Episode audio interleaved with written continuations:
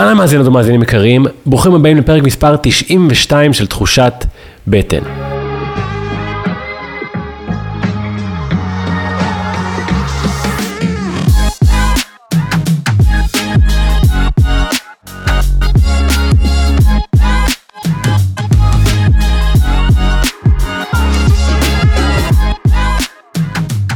שבוע טוב, אהובות ואהובים, מקווה שהשבוע יתחיל עם חיוך על הפנים, ואם לא, מה אתם הולכים לעשות לגבי זה? הכל בידיים שלנו. אם אתם חדשים כאן, תחושת בטן היא תוכנית אירוח שמייצרת שיח אלטרנטיבי, אותנטי, עם אג'נדה אחת ברורה, לעשות לכם קצת סדר בכל מה שקשור לבריאות ולאורח החיים שלנו. אני מאחל שלכם מתן חכימי, מנחה תהליכים לשינוי והתפתחות ומחבר הספר חוקי בטן. בשנים האחרונות אני חוקר את הקשר בין הבחירות וההרגלים שלנו לבריאות שלנו, אם היא הפיזית או הרגשית. השבוע אני מארח את פרופסור מריו מיקולינסר, דיקן המייסד של בית הספר לפסיכולוגיה באוניברסיטת רייכמן, חוקר בתחום ההיקשרות. כרגיל להגיד שאם מצאתם ערך בפרק הזה, אנא מכם תחלקו אותו כדי שעוד אנשים יוכלו להרוויח מהתוכן הזה, שתהיה האזנה נעימה. אהלן פרופסור מריו מיקולינסר, נעים מאוד. נעים מאוד, מתן. אתה נחשב אחד הפסיכולוגים החברתיים הגדולים אה, בדור שלך, ואתה חוקר תחום שנקרא תיאוריית ההתקשרות. אולי ככה נתחיל באיזשהו הסבר על מה זה אומר בעצם, מאיפה זה מתחיל? זו תיאוריה בעצם שפותחה באמצע המאה הקודמת, ובאה להסביר למה אנחנו צריכים אה, קשרים חברתיים, למה אנחנו בעצם אה, מסת... מסתמכים על אנשים אחרים. התיאוריה אומרת שאנחנו באים אל העולם עם מוכנות ביולוגית, כן? לא רק אנחנו, יונקים, אפילו ברמה אפילו של ציפורים, שבאים עם מוכנות להיצמד למישהו אחר בעת הצורך. תבין שזה לא סתם להיצמד כל הזמן, לכן זה לא עניין של לפתח ולהיות תלוי, אלא להיצמד ולהסתמך על האחר בעת הצורך. כלומר, כשיש סכנה או אתגר שבו אני צריך דרבון ותמיכה. ואז אני פונה לאחר במטרה מאוד ברורה, כלומר, לא רק קרבה למען קרבה, אלא קרבה למען רכישה של דבר מאוד מאוד בסיסי שנקראת ביטחון בהתקשרות, שזה לצאת אל העולם עם תחושה שיש על מי לסמוך. כלומר, הפנייה בעת הצורך היא תהיה שם בשבילי. אוקיי. Okay. תהיה שם בשבילי, כי כך אני יוצר אמונה שיש מישהו או משהו שאפשר לסמוך עליו בעת הצורך. ואז אם יש לך את התחושה כזאת, תדמיין לעצמך, אתה ילד שהולך פעם ראשונה לכיתה א', שכל העולם נראה לך גדול, למה לצאת מהבית? למה להיכנס לכיתה חדשה? למה לפגוש אה, דמות כזאת שאתה הרבה יותר גדול, גדולה ממך, שזאת המורה או המורה, או ילדים אחרים חדשים? למה להתעסק בתרגילי חשבון שאתה לא בטוח אם תצליח? כלומר, למה לעשות את הצעדים האלו הראשונים כדי לבחון, לדעת את עצמך, לראות עד כמה אתה יכול ועד כמה אתה מסוגל? אתה צריך איזו אמונה מאוד בסיסית לפני שאתה רוכש את האמונה שאתה יכול. את האמונה שאפשר לעשות את הצעד, כי גם אם תיכשל, גם אם תעשה טעות, גם אם יהיה קשה, יש על מי לסמוך, ושם יהיה בשבילך בעת הצורך. ואז אתה יכול לנשום ולצאת אל העולם. אוקיי, okay, אז אני מניח שזה מתחיל מול ההורים שלנו? ב... כן, בדיוק, כי זה הקשר הראשוני. שם אנחנו נולדים, הדמויות המטפלות הראשונות הם ההורים, הסבא, סבתא, אחים גדולים.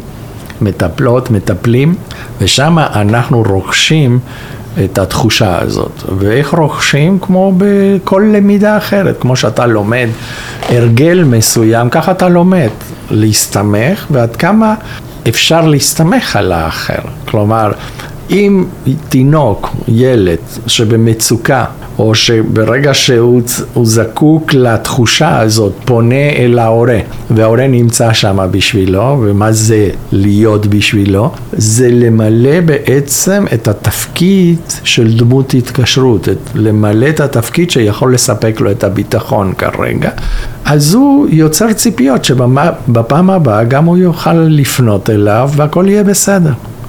והתחושה הזאת שהכל יהיה בסדר, בגלל שיש לך קצת עזרה מהחברים, כמו שהביטלס אמרו, כי הביטלס בסופו של דבר היו החוקרים הראשונים של התקשרות, אם תשמע את השירים שלהם. אז אה, תראה שבסופו של דבר זה מקל על כל התהליך. אבל כשהורה לא נמצא שם בשביל הילד, אז מתחילים ההסתבכויות וההסתעפויות בעצם שלנו. אז בעצם, אם עכשיו אני חוזר אחורה בזמן, אני תינוק, בוחר, רוצה חיבוק, לא מקבל חיבוק, זה ישפיע על איך שאני אהיה באינטראקציה איתך היום? זה לא לקבל חיבוק או לא לקבל חיבוק. זה עניין של, בוא, בוא נגיד ככה, יש, יש מצב מאוד פשוט, אם אתה תינוק, שאתה במצוקה, כואב לך, אתה במתח, כל הגוף שלך אה, מתח, כל המוח שלך מפריש אה, חומרים אה, כימיים שמעוררים אותך וחלקים מאוד מסוימים של המוח בועטים ואומרים סכנה, סכנה, סכנה.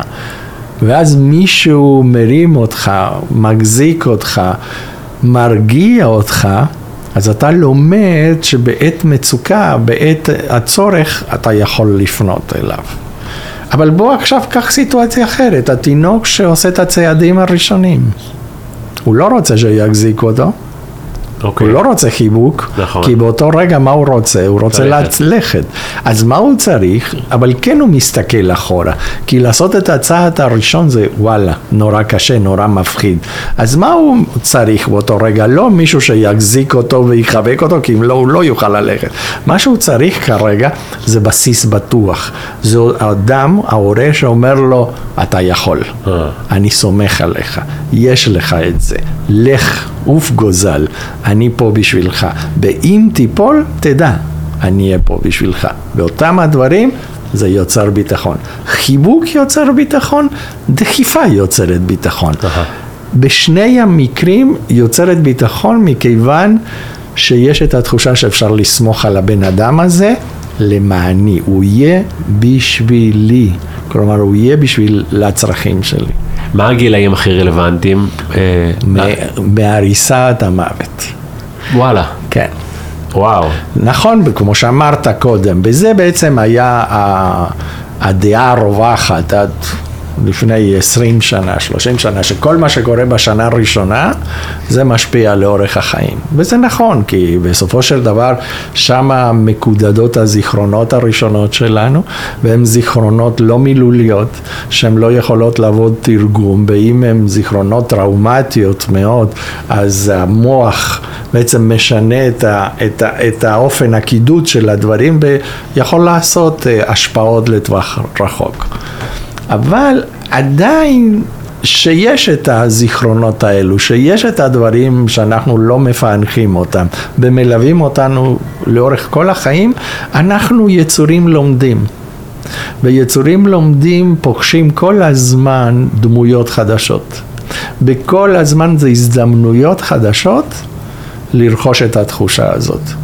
לאורך החיים, עד המוות ואולי אחרי המוות, אף אחד לא יודע. אז כלומר, גם אם זה נפגע לי בחוויית ילדות, אני יכול לשפר את זה במהלך החיים שלי. כן, בהחלט. ויכול להיות שיהיה יותר קשה, כי בעצם בולבי שהוא אבא, בעצם המייסד של התיאוריה, מי שכתב בשנות החמישים-שישים את הטרילוגיה, attachment, הוא בחר לקרוא לציפיות האלו שאנחנו יוצרים על בסיס ההתנסויות שלנו, הוא לא בחר, הוא לא קרא להם ייצוגים נפשיים, הוא לא קרא להם סכמות, הוא לא קרא להם דפוסים. הוא, הוא בחר בשם מאוד מיוחד באנגלית, זה נקרא Working Models, דגמי עבודה. עכשיו, למה הוא בחר את, ה, את השם הזה, כי זה דגם מסוים שמשמש אותך לציפיות מה הולך להיות בעתיד. בעבודה, מכיוון שמצד אחד הם עובדים, הם משפיעים על החיים. ברגע שנגיד הילד הזה שהולך לכיתה א' פוגש פעם הראשונה את המורה, הוא לא מכיר את המורה, הוא המורה שלה. ו- ולכן יש לו דגמים של דמויות סמכות ודמויות מטפלות שהוא מביא מהבית שלו. והדגמים האלו, הציפיות האלו הם פעילים, הם עובדים כרגע ומשפיעים איך הוא יתייחס למורה, עד כמה אפשר לסמוך למורה, למרות שהוא לא מכיר, ולכן זה עובד. אבל יש מובן נוסף למילה working באנגלית, וזאת הדבר המעניין. working זה טיוטה. כשאתה אומר working paper, זה משהו שלא סגור, זה יצירה פתוחה, שכל הזמן אפשר לכתוב, לשכתב ולעדכן. וככה זה בעצם בחיים, אנחנו כל הזמן משכתבים את הדגמים האלו. או בוא נגיד ככה, מוסיפים דגמים חדשים. ואז נכון, יש לנו דגמים של ההורים בילדות, אבל יכול להיות שיש לנו דגמים של ההורים בהתבגרות שהם שונים לגמרי. ויש לנו דגמים של ההורים בבגרות, וכשהם הופכים להיות דמויות שבעצם זקוקות לעזרה שלנו. ו, והדגמים האלו פשוט נוצרים, ב... אנחנו כאנשים מבוגרים, יש לנו רשת. של דגמים, של התקשרות, ובכל מיני הקשרים שונים, איפה אנחנו יכולים להשיג את התחושה הזאת של ביטחון בהתקשרות. ועוד פעם, ביטחון בהתקשרות זה לא ביטחון פיזי. ביטחון בהתקשרות זה התחושה שיש על מי לסמוך. אז אם עכשיו מישהו מאזין ולתחושתו, תחושת הביטחון שלו, היכולת שלו לסמוך על אנשים מאוד נמוכה.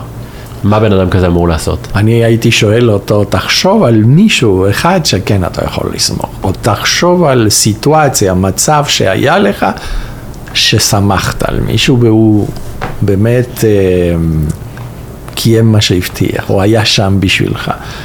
תחיה את זה עוד פעם. זה אומר, יכול להיות שבאופן כללי אתה לא סומך, או שיש לך תחושה שאין על מי לסמוך, אבל תמצא אפילו דמויות בספרים שקראת, דמויות בסרטים שראית, שממלאים את הנפש שלך ותן לזה יותר ויותר מקום, ואז צא לעולם, כי עם התחושה הזאת אתה יכול לצאת אל העולם. ברגע שאתה יוצא לעולם, אתה יכול לפגוש עוד דמויות ועוד הזדמנויות שלא היית פוגש אילו לא יצאת אל העולם בגלל שאתה לא סומך. Mm.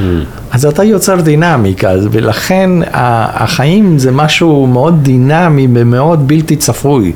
כלומר, לבוא ולהגיד שמה שקרה בילדות מכתיב לי את כל החיים, זה טיפשות, זה משהו ילדותי, זה, זה משהו דטרמיניסטי שזה לא מתאים ל... לזרימה של החיים. ובזרימה של החיים יש המון הזדמנויות, יש המון הפתעות, יש המון סקרנות מה יכול לקרות לנו. ונכון שברגע שאין לך את התחושה הזאת שיש על מי לסמוך, אז אתה לא יוצא, ואתה נמנע מהפתעות, נמנע מדברים חדשים, ואז אתה מפספס הזדמנויות. אבל מספיק שברגע מסוים אפשר לנטוע בך את התחושה הזאת שתצא לעולם, ווואו, אתה לא יודע מה תפגוש. אני לא יודע מה הוא יפגוש.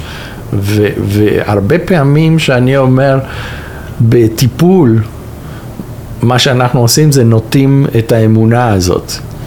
כלומר, זורים את האמונה הזאת שיש על מי לסמוך מתוך הקשר שנוצר בין מטפל למטופל, או על ידי כך שמביאים זיכרונות, או, או מגבירים את האמונה העצמית של האדם. אבל מה יהיה אחר כך? אלוהים גדול. אתה לא אלוהים, ואז אתה לא יודע מה הולך להיות. כי זה תלוי מה הוא יצא החוצה ומה יפגוש. אז אם הוא יפגוש שם דמויות באמת שהם שם בשבילו, אוהבים אותו ו- ו- ומתייחסים אליו כמו בן אדם, כמו שצריך, אז הוא יגדל. וזה זה תלוי, זה הדינמיקה של החיים, אבל הדינמיקה של החיים, אתה צריך לצאת אל העולם. וכדי לצאת אל העולם, אתה צריך את התחושה של ביטחון. כן, אני, אני יכול, התחברתי למה שאמרת, שאני יכול לפעמים להיעזר במוזיקה, או אפילו קולנוע, סרטים, בשביל נכון. לשפר את התחושה שלי, ואז אתה יוצא נכון. ונחשף למשהו בתחושה אחרת לגמרי. נכון, אבל תחשוב שבסופו של דבר, אנחנו אומרים, כן, אז הנה, מה הוא מדבר שאנחנו צריכים? זה ילדותי. בסופו של דבר, כמו שאתה אומר, אני כאדם בוגר יכול להיעזר בכל מיני כלים אחרים שהם לא התקשרותיים, וגם אפילו להיעזר בעצמי ולהגיד, אני לא זקוק לאף אחד. אני רק, יש לי את עצמי. שזה אבל, טוב? לא. כי לא זה, זה שקר וזה זיוף וזה פייק טוטאלי. מכיוון שבסופו של דבר תבין שמאיפה באה התחושה שאתה יכול, שאתה ראוי, שאתה אהוב, שאתה בעל ערך. מאיפה זה בא? בגלל שיש לך כסף? בגלל שיש לך סטטוס? בגלל שיש לך הישגים אקדמיים? לא. התחושה הזאת של בעל ערך זה בגלל שמישהו הסתכל בעיניים אוהבות ואמר, אתה יכול, אתה מסוגל, התפניתי בשבילך. כלומר, הילד שבוכה ופתאום ההורה מפסיק לעשות את כל הדברים ומטפל בו, רוכש פשוט את התחושה שיש על מי, שוואו, כנראה אני בעל ערך, כי מתפנים כדי לטפל בי. ו- ו- ו- וגם אותו הורה שאומר לילד, יאללה, תעשה את הצעדים כי אתה יכול ואני בשבילך, הוא, הוא מקבל את התחושה של המסוגלות, וזה הדברים האותנטיים, כי שמה בסופו של דבר הילד רוכש ומפנים את התחושה שהוא שווה, שהוא ראוי לאהבה, שהוא בעל ערך, שהוא בעל מסוגלות. אחר כך הישגים חיצוניים, אתה צריך לרדוף אחריהם כל הזמן. אדם שבטוח בהתקשרות, תבין, אדם שבטוח בהתקשרות לא צריך לרדוף אחרי התקשרות. איך זה מתבטא? הוא בטוח שיהיה בסדר. שאוהבים אותו, שהוא ראוי לאהבה, שכשיפגוש אנשים הוא ימצא אנשים טובים באמצע הדרך כדי לרוץ יחד איתו.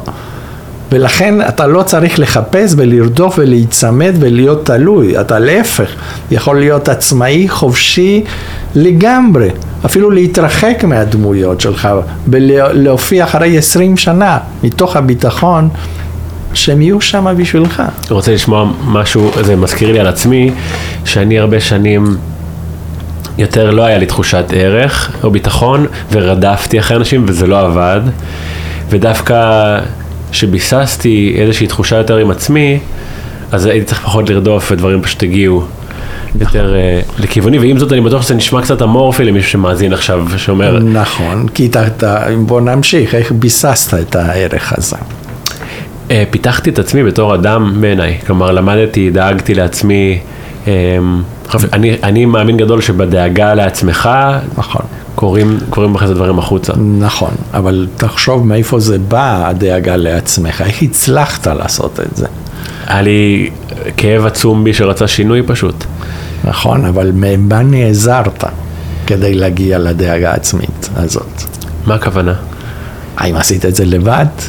אה, או האם היו לך דמויות, או דמויות שבעצם היו בשבילך כמו מודלים? אז בגדול היה בן אדם אחד שאמר לי שאני יכול לשנות את החיים כשחשבתי שאני לא יכול. דיברנו ספציפית על הבריאות שלי, אבל הוא הראשון שאמר לי שאני יכול אה, להחלים ולרפא את עצמי, והוא האמין בי, וכאילו אמר לי, אתה יכול מה שאתה רוצה. וואי, לא חשבתי על זה ככה עד עכשיו. אז הנה, בדיוק. זאת הסיטואציה. אחר כך מתחיל הדברים, אבל... האמונה הזאת שיש לך מישהו שמדרבן אותך, שבעצם תומך בך, שמאמין בך, שבעצם אומר, תעשה, ואפילו אם תיפול, תוכל להתגבר, ומקסימום אתה יכול לבוא אליי. ברגע שיש לך את התחושה, אתה לא בא אליו יותר, כי אתה מנסה, כי אתה נכון. יודע שיהיה צורך, אתה תבוא. אבל, אבל לא צריך לבוא כל הזמן, אתה מבין? ואז אתה מרגיש חופשי. ואז אתה יכול לצאת אל העולם. זה, אני נורא אוהב, יש אמ, צורה גרפית לייצג כל מה שאנחנו מדברים. תדמיין מעגל, כן? תדמיין מעגל, שבקצה של מעגל יש שתי ידיים. Okay. אוקיי. ואתה הולך במעגל הזה. הידיים האלו ממלאות שתי פונקציות. בחלק התחתון של המעגל זה המקום שבו אתה חוזר לידיים. מתי אתה חוזר לידיים? שאתה במצוקה, שאתה בסכנה, ש, שאתה זקוק למילה טובה, שאתה זקוק לחסד ולרחמים. ואז התפקיד של הידיים האלו זה להגיד, בוא אליי, בוא אליי. המאזינים לא יכולים לראות את תנועת הידיים שלי, אבל תדמיינו את תנועת הידיים האלו שבוא אליי, ובעצם להחזיק, לחבק. אבל אנחנו לא רוצים להיות מחובקים. באנו אל העולם בסופו של דבר להתפתח, לגדול, אם מדבר על תאמין שיש צורך בהגשמה או צורך בחופש, לא משנה. זה אורגניזם גודל, מתפתח, חיים, נושם, שבא למלא כל מיני דברים בעולם, הוא רוצה לצאת אל העולם. ואז הידיים האלו צריכים לשחרר ולתת משהו נוסף, לא רק חוף מבטחים לבוא ולהגיד בוא אליי, אלא זה ידיים שנותנים בסיס בטוח. והבסיס הבטוח אומר לילד, לך. צא לעולם, צא עם הביטחון שהנה אתה יכול לחזור במעגל, צא לעולם כי אתה יכול, צא לעולם ותאמין בעצמך. ואז בחלק העליון של המעגל אתה הולך ומתרחק מהידיים, מתרחק ומתרחק, עד שמגיע איזשהו רגע של סכנה ואתה חוזר לידיים. אבל עכשיו תחשוב. שככל שאתה נמצא יותר במעגל הזה והידיים הזה ממלאות את שני התפקידים האלו של חוף מבטחים בבסיס בטוח ואתה מפנים את התחושה הזאת שאתה יכול, שבעצם יש על מי לסמוך אז המעגל הזה מתרחב ומתרחב, ואתה מתרחק, מתרחק, בונה את עצמך, בונה את הזהות העצמית שלך, שונה לגמרי מהידיים האלו, חופשית מהידיים האלו, מתוך אמונה שתמיד אפשר לחזור. לחזור לידיים. לחזור הביתה, אבל אתה יכול להיות אדם עצמאי ולחזור, אולי, אבל לדעת שאפשרי. ואז אתה לא צריך לבוא ולהגיד ולהצהיר בפני כולם, אני לא זקוק לאף אחד. אני עצמאי, אלא בעצם אתה עצמאי ואתה חופשי בתוך הזמן שאתה יודע שיש את הידיים האלו הקיימות, ושאתה יכול בעצם להכיר תודה, כמו שילד בבר מצווה אומר, הגעתי יד הלום, או אני מודה להורים וכולי, כן, להכיר תודה לידיים האלו שבעצם נתנו לך את הפוש התחלתי שתוכל להסתובב במעגל הזה ולחזור מתי שתרצה. כן. מה הדברים שאנשים עושים שיכולים לפגוע בתחושה הזאת של ביטחון? כלומר, בחירות יומיומיות או בחירות חברתיות. כמו שאמרת, למשל, זה בעצם כשבולבי תיאר את, ה... את, ה... את, ה... את המצב, הוא... הספר הראשון שבולבי כתב בשנות ה-40, זה נקרא את 44 אה, פושעים צעירים. הוא עבד במעון של אה, נוער בסיכון, והוא ראה שני, הוא תיאר שני ילדים. אחד, שהוא היה, הוא קרא לו זה כמו צל, נדבק אליו, הוא היה מדריך ונדבק אליו, וכל הזמן חונק אותו. הוא לא היה יכול להתעסק בדברים אחרים כי הילד כל הזמן, וילדים אחרים, וילד במיוחד אחר, שכל הזמן שהוא ניסה להתקרב אליו, דחה אותו, דחה אותו ולא רצה אותו. זה שתי תגובות קיצוניות, אדפטיביות, מסתגלות למצב הלא אופטימלית של חוסר ביטחון. כי ת, תבין משהו כזה, נגיד שיש לנו את המוכנות הביולוגית הזאת שאומר, לך תפנה למישהו אחר שיותר חזק ממך כרגע, יותר חכם, יותר מבוסת כרגע, בעת הצורך כדי להגיע לתחושה של ביטחון ולקבל את התחושה שיש על מי לסמוך. וזה לא מצליח. וזה לא מצליח בגלל נסיבות שונות. בגלל שאין כימיה, בגלל שהאדם השני עסוק, בגלל שהוא טרוד, בגלל שהוא חלש, בגלל כל מיני דברים. אז זה לא עובד. אז מה קורה כשמשהו לא עובד? מה אתה עושה כשמשהו לא עובד? אני לא יודע, מתאכזב? נכון, אבל יש שתי אפשרויות תגובה בסיסיות. אתה מנסה יותר חזק, okay. אוקיי. לתקן, נכון? Uh-huh. אתה מנסה לתקן, נכשלת במועד א' בבחינות, אתה הולך למועד ב', ואז אתה לומד יותר, כי אולי לא למדת טוב. או שאתה מוותר. נגיד, יורד לך מניה בשוק, השקעת במניות, או שאתה מסלים, מחזיק את המניות ומפסיד ומפסיד, או שמוותר ויוצא מהמשחק. זה בדיוק הדברים פה בהתקשרות, וזה הדברים שאחר כך, מצד אחד הם דברים אה, הסתגלותיים במצב הזה שהשני לא נמצא בשבילך, אז למה לסבול? למה הכאב הזה? תתרחק, תנסה למצוא דמויות אחרות, תנסה להסתדר לבד, איך שאפשר. או תנסה יותר חזק, אולי הוא פספס. אז בוא תצעק עליו, תשבור לו צלחת על הראש, אה, עד שהוא ישמע וישים לב שאתה זקוק לו. Uh-huh. אז יכול להיות שבמצבים האלו זה אדפטיבי, כי אם אתה צועק, פתאום אומר, וואו, לא שמתי לב. ואז הוא יבוא וכן יהיה בשבילך. ואם לא, גם להתרחק ולמצוא מישהו אחר זה אדפטיבי. אבל הבעיה שאתה נכנס למצבים חדשים שאתה לא מכיר. אתה לא מכיר מיהו הבן אדם, מי האנשים שנמצאים במצב החדש, ויש לך דגמי עבודה. אז עכשיו בוא קח את הנקודה שלמדת שהתקשרות זה כאב, ואתה צריך להתרחק מהכאב.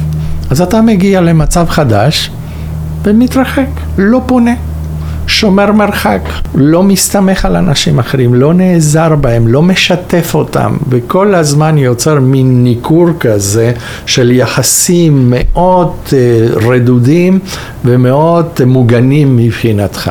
ואז אתה פוגע בהזדמנויות ללמוד דברים חדשים, כי יכולת להיות שאותם אנשים, וואלה, נורא אוהבים אותך. מצד שני, אתה בא לקשר עם התחושה הזאת שצריך חזק חזק, כי אם לא, לא שומעים אותך, ויש אדם חדש ואתה מיד נדבק אליו.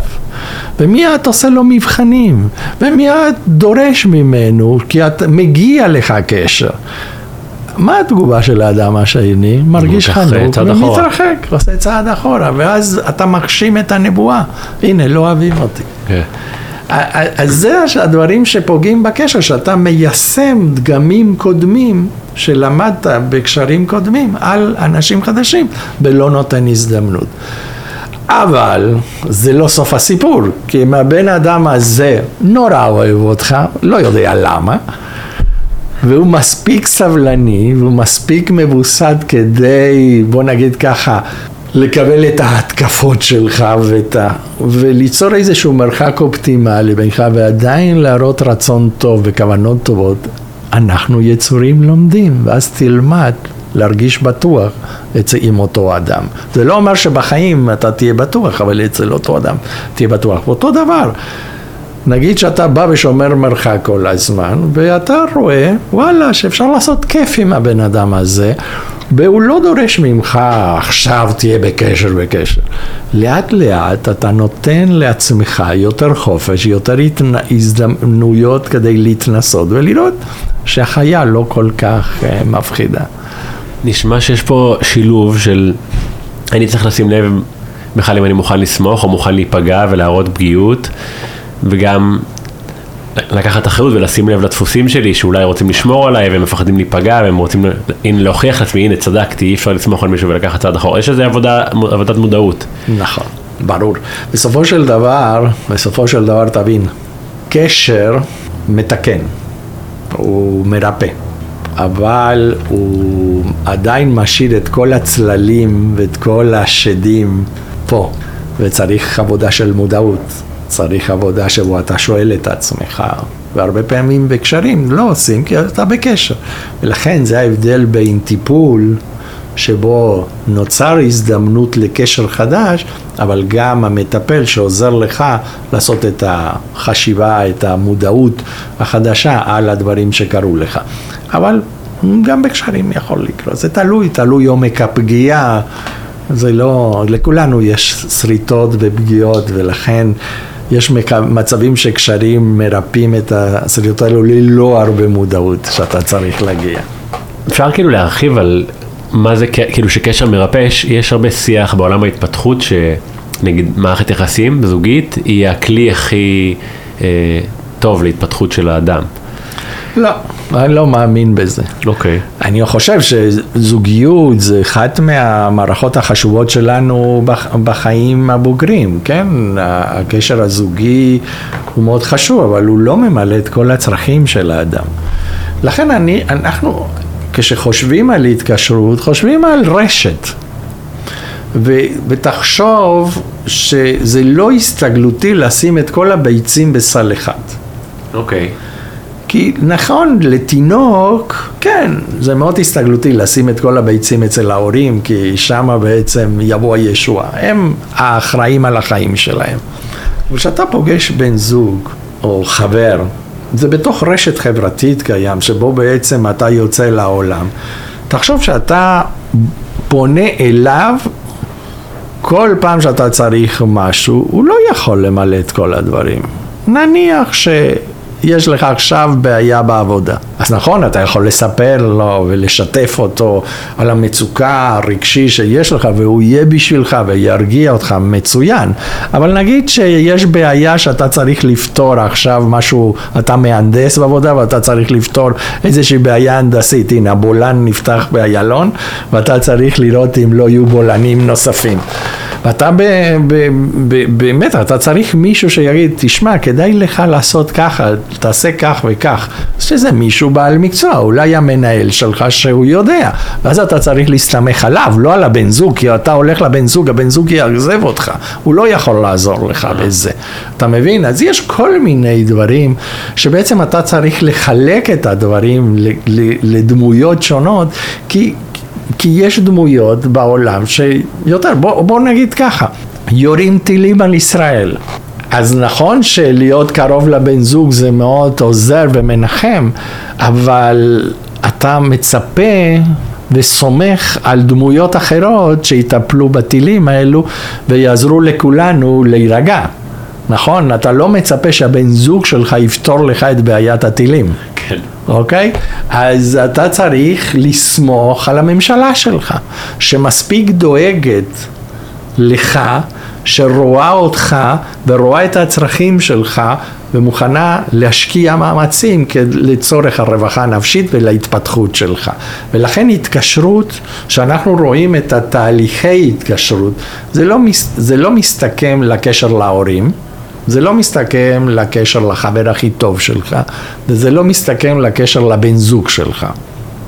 זה הולך לאורך כל השדרה של הקשרים בין אישים שלנו עם דמויות שהם במצבים ש- ש- שבו אנחנו נמצאים הם יותר חזקים מאיתנו הם יותר חכמים במרכאות כי הם יודעים יותר, הם מומחים יותר מאיתנו בנושא הספציפי והם גם בעלי כוונות טובות בעצם לדאוג לנו ולגדל אותנו.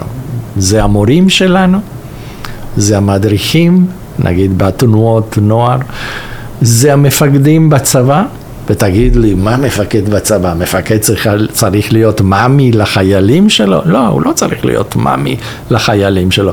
מפקד, למשל ביחידה קרבית, התפקיד שלו זה לשלול, להכין את החיילים שיצאו הכי טוב לקרב, שיכולים בסופו של דבר למות. אבל אתה צריך להבין שכדי להכין אותם הכי טוב לקרב, הוא קודם כל צריך לתת להם את התחושה שאפשר לסמוך עליו. נכון. אם לא, הם לא יצאו לקרב.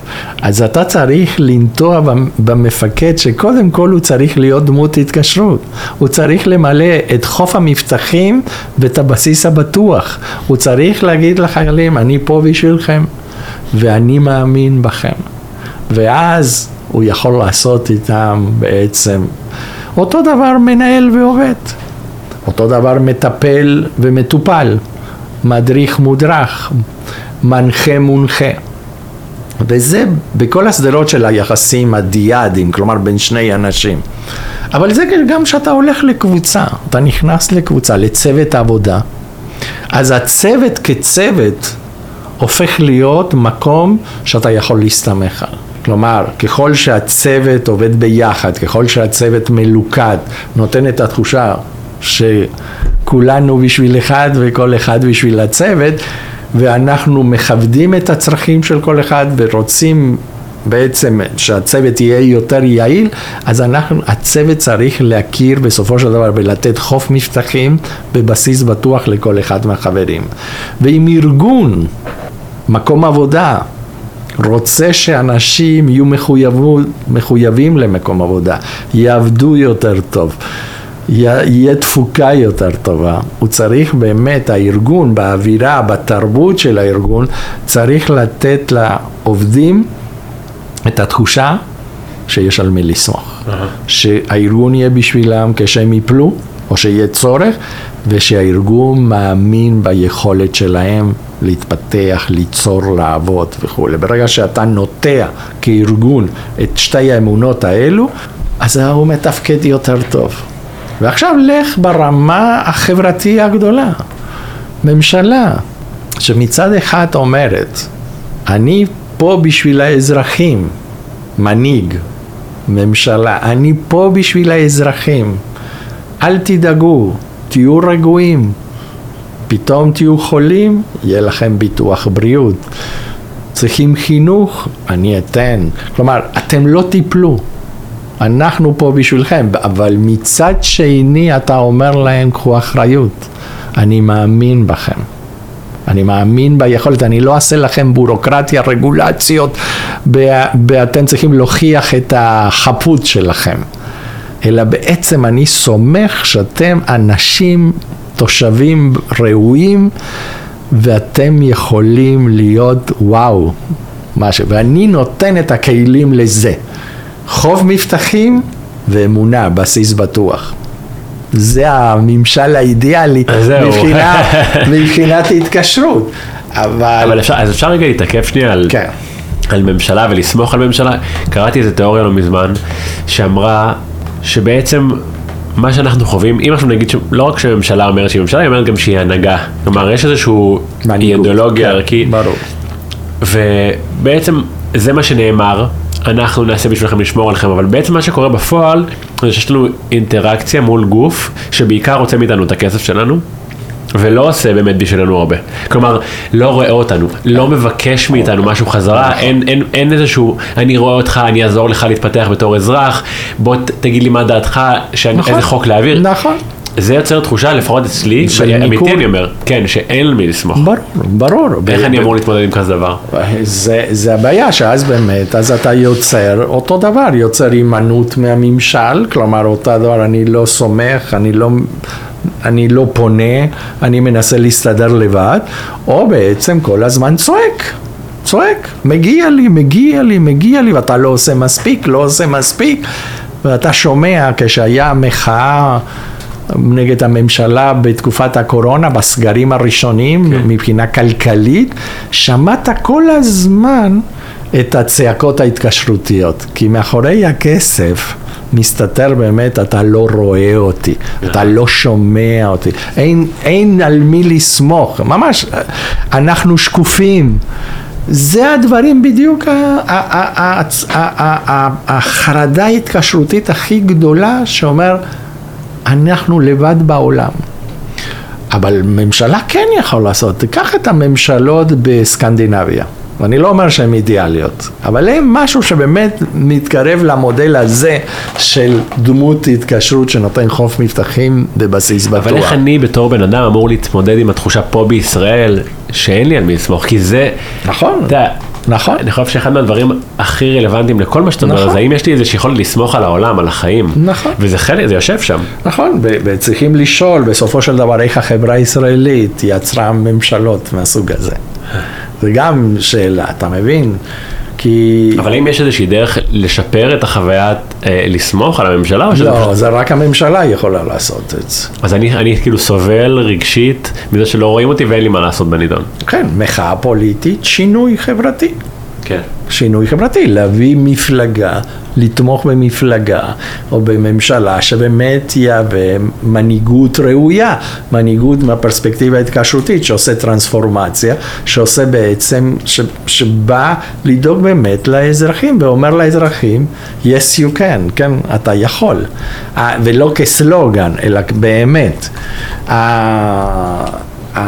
וזה לא פשוט. כי יש כל כך הרבה אינטרסים ונכנסים, אה, כשאנחנו מדברים על ממשלה או הנהגה, בסופו של דבר זה אנשים, כן? כן. ואנשים יש להם גם כל מיני אינטרסים והם רוצים להיבחר עוד פעם. ולא רק לעבוד בשביל העם, לשירות העם, אלא יש המון, וכשהאינטרסים האלו מתגברים, אז זה מה שקורה. ואז אתה רואה, אתה רואה את הדינמיקה ההתקשרותית שמה גם, כי תבין ככה, אתן לך ברמת הורים, אהה. ואחר כך ברמה של ממשל, אבל אל תשאל אותי למי אני מתכוון. אוקיי. אבל ברמת הורים, אתה אומר, הנה, הורה שהילד בוכה, מרים אותו ואומר, הנה, אני בשבילך. אתה יכול להיות רגוע. אמא אוהבת או אבא אוהב אותך, והנה, פה אני בשבילך. ואני משחרר אותו, אבל לא משחרר, כי כל רגע שהוא רוצה לעשות דברים אחרים, אני אומר, תזק, אל תעשה את זה כי אתה לא יכול, לא יכול, אתה קטן, אתה תיפול, תעשה את זה איתי, אני אדריך אותך. אתה לא נותן לילד להתרחק, אתה לא נותן לילד לצאת אל העולם, אתה מחזיק בילד, זה האימהות המגוננות יתר, או איך שתקרא, עם ההליקופטר למיניהם, או עיקרון הרצף, שזה אחד מהעיוותים הגדולים ביותר. דווקא דווקא חשבתי שתגיד שזה רלוונטי. לא, כי... כי הם קוראים לזה אה, הורות התקשרותית. זה, זה עיוות טוטאלית של התיאוריה. כי התיאוריה אומרת, מה זה הורה טוב? הורה טוב שאומר, אני פה בשבילך, הנה, אתה יכול, צא לעולם, תבלה. תסתכן, כי בסופו של דבר הכל יהיה בסדר, ואם יקרה לך משהו, אני פה. אתה לא מחזיק אותו כל הזמן ברצף. לא, מה פתאום, הילד לא רוצה להיות כל הזמן ברצף, הוא רוצה לגדול. ואז בסופו של דבר אתה מפריע להתפתחות. עכשיו קח את זה באנלוגיה הפוליטית. אני פה בשבילך, אני המנהיג הגדול, יש המון סכנות בחוץ, הנה, סכנה. הנה, אני פה בשבילך. או עוד סכנה מהצפון, הנה, אני פה בשבילך. עוד סכנה מהדרום, אני פה בשבילך. אבל מה יהיה שאני לא אהיה פה? לא תסתדר לבד. לא תוכל כי אתה קטן, אתה חלש, אתה לא מבין, אתה רק יודע לגדל תפוזים ולא יודע לעשות הייטק. אני יודע לעשות את זה. לייצר קורבנות בעצם. כן, לייצר תלות, תלות במנהיג, ואז כן. הופך להיות קשר, מה שנקרא. רעיל. זה קשר רעיל, כשאתה רואה בשני המושיע שלך, נכון. כן. המושיע שלך זה אתה בעצמך. אבל אתה צריך, כדי להושיע את עצמך, אתה צריך קצת עזרה מחברים. With a little help from my friends, כמו הביטלס. כי זה, זה האמת. אתה צריך את העזרה הקטנה, את הדחיפה הראשונה, את המילה הטובה, את אותם רגעים של חסד. אבל אחר כך זה אחריות שלך. טוב, יש משפט, משפט שאני מאוד אוהב, אה, סביבה מנצחת כוח רצון. כן. נשמע גם שהאנשים שאנחנו בוחרים להגדיר אותם כחברים שלנו מאוד מאוד חשובים. ברור, ברור. ובסופו של דבר, אתה מבין, חוץ מההורים וכל מיני מקומות שנפלת עליהם, הרבה פעמים אתה בוחר את מי האנשים שאתה הולך ו... ויוצר קשר איתם, אם זה החברים, אם זה בני הזוג, אם זה סוג האנשים שאתה תעבוד איתם. וכולי. ו... ואז כן, אתה בוחר את האנשים, ככל שיש לך את התחושה הזאת, אתה בוחר אנשים שאתה יכול לסמוך עליהם, ואז זה מחזק לך את התחושה. איך, אה, אפשר לשאול איך הגעת לזה?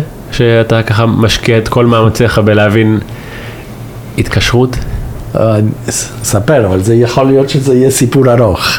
נראה לי זה כי שווה ככה את אני זה. מתחיל הרבה פעמים עם סטודנטים חדשים. אני עשיתי את הדוקטורט שלי, כלומר, לא דוקטורט, המאסטר שלי, אפילו המחקר הראשון שעשיתי בתואר ראשון, ואחר כך המשכתי לתואר שני ועשיתי על זה את הדוקטורט, זה על תחושת חוסר אונים. אז בשנות ה-80 היה מה שנקרא חוסר אונים נלמד, איך בעצם אנחנו לומדים להיות חסרי אונים. אוקיי. שבעצם אתה אומר, הלאה, אני לא יכול, אני לא יכול, תעזרו לי כי אני לא יכול. אוקיי. וזה מה שעשיתי, וזה היה מודל לדיכאון. למה וכולי. דווקא אבל זה? איך הגעת לחוסר אונים? אה, כי זה משהו קיומי מאוד בסיסי. בסופו של דבר, כשאתה לוקח משהו שהחיים שלך הוא חסר פשר ומשמעות, ושהכל זה אקראי, אז הת- התחושה הראשונית זה התחושה של חוסר אונים. שאין לך שליטה באמת על הדברים, ואתה צריך לקבל את זה כדי להתבגר, להתגבר, וכן לקבל איזו תחושה של משמעות שהיא אותנטית וייעוד אותנטי, אבל מתוך הקבלה ש... שאתה חסר אונים, כמו שבעצם אה, האמרה החסידית שאומר, לך תמיד עם שני פתקים בכיסים, עם פתק אחד שמעפר באת ולעפר תלך, אתה לא שווה שום דבר, אתה רק עפר. ומצד שני, בכיס השני שנבראת בצלם אלוהי, ואז בעצם אתה אומר, וואו, איך זה? נכון, אבל אתה צריך קודם כל לקבל את התחושה של חוסר אונים, ואחר כך בעצם אתה יכול להתפתח. אז היה בקטע של, של חוסר אונים, ועל זה בעצם עשיתי את המחקרים הראשונים, הפרסומים הראשונים, והנחיתי את הסטודנטים הראשונים שלי בנושא. עד שהגיע סטודנט אחד שאומר לי, תשמע, אני רוצה לחקור על מוות, כי זה חוסר אונים, מוות, אז הדוגמה האולטימטיבי של זה, שבו אין לך שליטה. ו... אבל אני רוצה לחקור את זה מתוך הקטע של של איך זה מתקשר של יש לך קשיים בפרידה מאנשים אחרים, עד כמה אתה תפחד מהמוות. אמרתי, וואו, זה מעניין, אבל הוא בא עם תיאוריה פסיכואנליטית מ... שאי אפשר לחקור, כי זה ההתפתחות של הנפרדות וכל מיני דברים. זה היה 87, 1987, ויצא בדיוק, ואמרתי לו, לך, חפש נושא אחר, למרות שזה סופר מעניין. ויצא בדיוק באותה שנה בעיתון, אז היינו הולכים לספרייה, אז פתחתי, וראיתי בכתב עת מאמר שמדבר על התקשרות ביחסים זוגיים אצל אנשים בוגרים, שכל הזמן דיברו על היחסים הורי-ילד והילד שבטוח או לא בטוח בהתקשרות להורים, והם תרגמו את זה עם שאלון מאוד פשוט, עד כמה יש לך תחושות כאלו בתוך בן הזוג. אמרתי, וואו, זה כל כך קל לבדוק, אז קראתי לו, אמרתי לו, וואלה, בוא ננסה, כי יש לך פה, זה לא תיאוריה מהפסיכואנליטיות האלו, אבל יש פה משהו נורא מעניין שבעצם תרגמו משהו התפתחותי לתחושות של אנשים בוגרים, ונראה איך זה הולך עם מה שאנחנו מדברים על פחד ממוות, ואז יצרתי קשר עם מומחה בנושא של פחד ממוות, שהפך להיות אחד מהחברים הקרובים שלי אחר כך, והתחלנו לחקור ומצאנו קשרים מאוד מעניינים, שאנשים ככל שהם בטוחים, הם מפחדים פחות מהמוות, מוכנים לקבל יותר את המוות, כי הכל יהיה בסדר, גם אחרי המוות כנראה. ולעומת אנשים שכל הזמן נמנעים מההתקשרות, מה, למה אתה חושב מפחדים מהמוות? הם מפחדים מהמוות מהלא נודע, כי יש מלא הפתעות, אתה לא יודע מה הולך להיות, וזה הדבר הכי טרגי בשבילם, uh-huh. כי זה, הם צריכים להיות כל הזמן בשליטה. ובשביל מישהו שכל הזמן בחרדה, שלא אוהבים אותי, לא אוהבים, אף אחד לא בשבילי, לא רואים אותי, אני שקוף, מה הוא מפחד מהמוות? שישכחו אותו, uh-huh. שהוא יהיה שקוף לגמרי, מה שנקרא. ומשם התחלתי ואמרתי, וואו, יש איזה פוטנציאל גדול, יש ב... כנראה היה לי אינטואיציה, אבל לא ידעתי לאן אני נכנס. זה היה יותר על יחסים בין אישים, וגם לגלות איך חוסר ביטחון בהתקשרות מקלקל לך את החיים. וזה מה שבעצם התחלתי, כן, עם פחד ממוות, אחר כך עם התגובות לטראומה במלחמת uh, המפרץ הראשונה, שאנשים לא בטוחים, uh, מפתחים יותר פוסט-טראומה, ואחר כך עשינו מחקרים אה, עם זהבה סולומון על אה, אה, פדויי שבי ממלחמת יום הכיפורים וראינו שאנשים עם חוסר ביטחון בהתקשרות הם בסיכון יותר גבוה לפתח פוסט טראומה וכל מיני מחלות בעקבות השבי.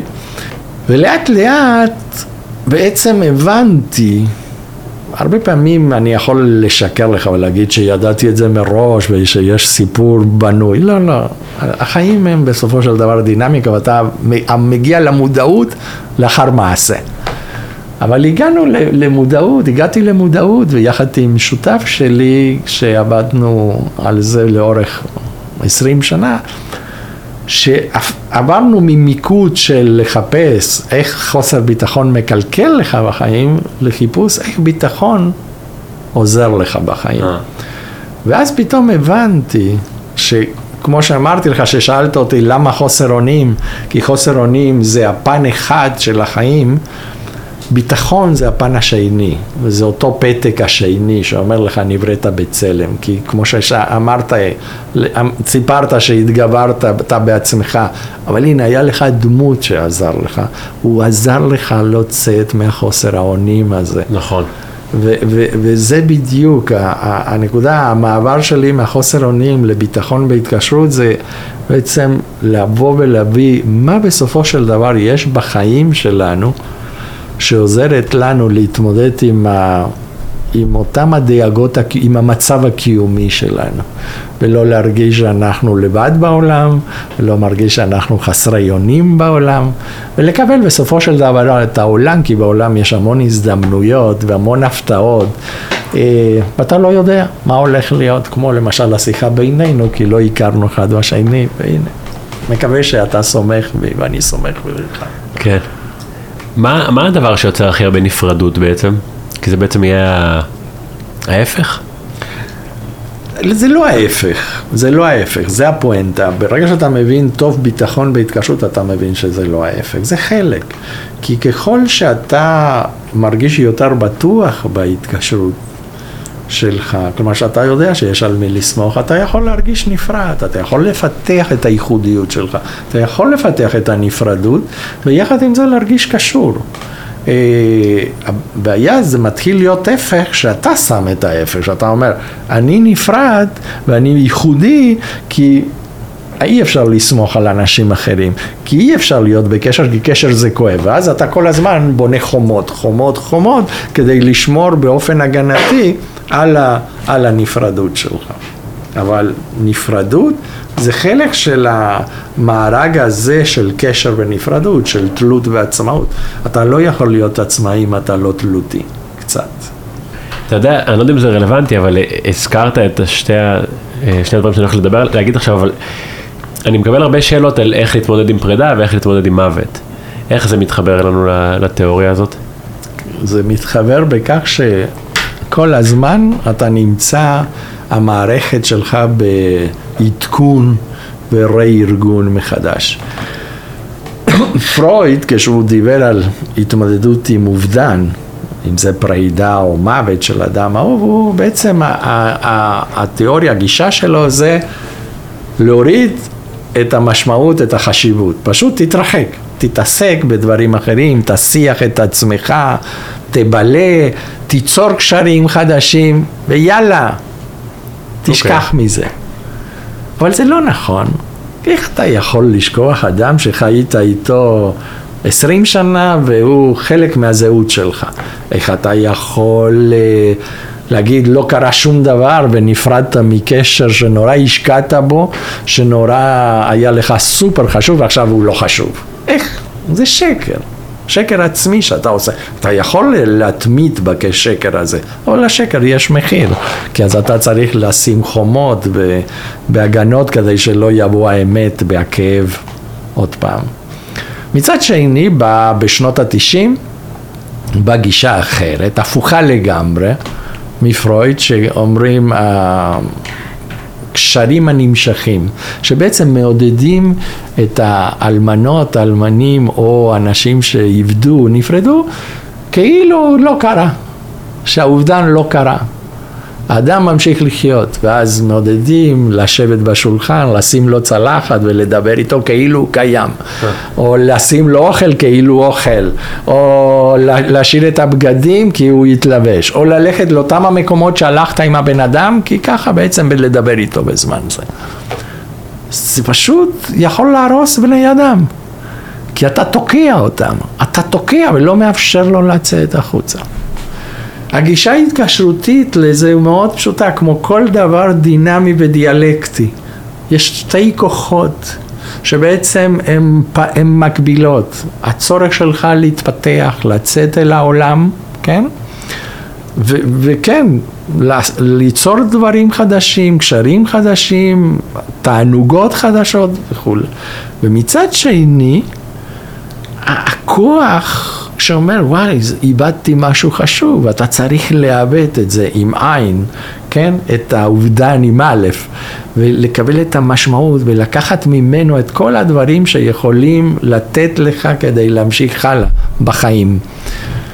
וזה תהליך, תהליך כמו מטוטלת, שבו אתה ברגעים מסוימים מתגעגע, ברגעים אומרים, וואו, נורא חושב על הבן אדם הזה, וברגעים מסוימים, וואו, אתה נהנה מהחיים, ואתה לומד, וואו, איך אני נהנה מהחיים, וללא הבן אדם השני, אבל אתה נהנה. ומצד שני אתה אומר, אני מתגעגע אליו, אבל יופי, תתגעגע, כי זה חשוב להתגעגע, כי געגוע נותן המון כוח. נותן המון כוח. אם אתה לא מנסה לשים לו צלחת שכאילו חי, אלא לא, געגוע, געגוע זה קודם כל הכרה שהלך לאיבוד משהו, היה בעבר ואתה מתגעגע למשהו הזה, כי זה היה חשוב, כי זה עשה לך טוב. ותחשוב ותרגיש כל פעם שאתה מתגעגע, אתה יוצא יותר חזק. כי זה נותן לך, וואו, תחושות טובות. ואז אתה יוצא לעולם. וזה, התקשרות אומר, כמו הרבה פעמים אנשים מתארים בצורה קיצ'ית, תגיד, אבל שזה האמת, שהלב מתרחב. שלא חשבת שתאהב מישהו אחר, כי נורא אהבת את זה שהלך לאיבוד, והוא תפס לך את כל הלב, פתאום הלב התרחב, כי עכשיו יש עוד מישהו. כן. נכון? ככה זה החיים. החיים זה ההזדמנויות של פשוט הלב מתרחב, וזה לא לאבד ולא לשכוח ולא לרוקן, כי הם חלק של החיים שלך. זה חלק של רצף החיים שלך, שהוא חשוב גם בשבילך. מה עם ביטחון אל מול פרידה של זוגיות? זה שם... מה, זה מה שמאפשר לך. קודם כל אתה צריך להרגיש בטוח כדי לעשות את המטוטלת הזאת. אם אתה לא מרגיש בטוח, נורא קשה. אתה תדבק לקשר, כי זה מה שחסר לך כרגע, או שאתה תשכח את זה מהקשר וכאילו אמר לא קרה שום דבר, אני ממשיך את החיים שלך. ואז אתה מפסיד את, ה, את הרה-ארגון הזה, הארגון המחדש של הנפש שלך. ובשביל זה אתה צריך ביטחון, שיהיה בסדר, שיהיה בסדר להתגעגע, ושיהיה בסדר ליהנות מהחיים, גם שהשני לא נמצא לידי. ובשביל זה אתה צריך את התחושה שיהיה בסדר, שאפשר לסמוך על מישהו, או על משהו. איך... אה, הרבה פעמים אמונה זה נורא עוזר. תרחיב. כי אלוהים זה גם דמות התקשרות. כי אלוהים גם נותן לך, אלוהים במובן אם אתה מאמין, לאדם מאמין, נותן לך. יכול לבחור את האלוהים שלך גם, לא? כן, בהחלט. תחושה שיש לא- משהו גדול יותר ממך? כן, בדיוק. וזה, משם מתחיל הכל. אם אין לך תחושה, אם אין לך תחושה שיש משהו גדול ממך, אתה לא יכול להיות בטוח בהתקשרות. המשהו גדול ממך זה ההורים שלך, המשהו גדול ממך זה המורה שאתה בכיתה א', המשהו הגדול ממך זה הקהילה, זה המשפחה, זה האנושות, זה הממשלה, במי שמאמין, מי שמאמין זה האלוהות. אבל אמרת משהו נכון, היכולת שלי לחוש שיש משהו יותר גדול ממני ושאני יכול לסמוך עליו, כי יש לו כוונות טובות. כלפיי. אז, אז אולי לסכם, לסיכום, נרחיב על זה. בעצם שווה לי, לכל אחד, לבסס איזושהי אמונה שיש משהו גדול יותר שהוא שם עבורי. כן, ושל, ולא חייב להיות סיבה. דתי. כן, כן. לא חייב להיות דתי. כן, בטח, בטח. כי אז אתה מרגיש בבית. כי מה זה בית? בית זה משהו גדול ממך. בית זה בית, אם זה בית אנשים, בית מקום, טבע, אלוהות, ממשל, קהילה, המרקם האנושי כולו, שבו אתה חלק ממשהו יותר גדול ממך, ואתה יכול לנשום ולהתרווח ולהגיד, וואו, אני לא לבד בעולם, אפשר להתחלק בעומס, גם עם אחרים. פרופסור מריו מיקולינסר, תודה רבה שהתארחת אצלי. תודה, תודה לך, היה לי כיף. זהו לעולם אהובים, כיף שנשארתם עד סוף הפרק, מקווה שמצאתם ערך בשיחה שלי עם מריו, כרגע להגיד שאם כן, אנא מכם תחלקו את הפרק הזה, גם אם זה עם בן אדם אחד, כדי שנוכל להביא עוד קצת רפואה ואור לתוך העולם הזה, שיהיה שבוע נהדר, ולהתראות בשבוע הבא.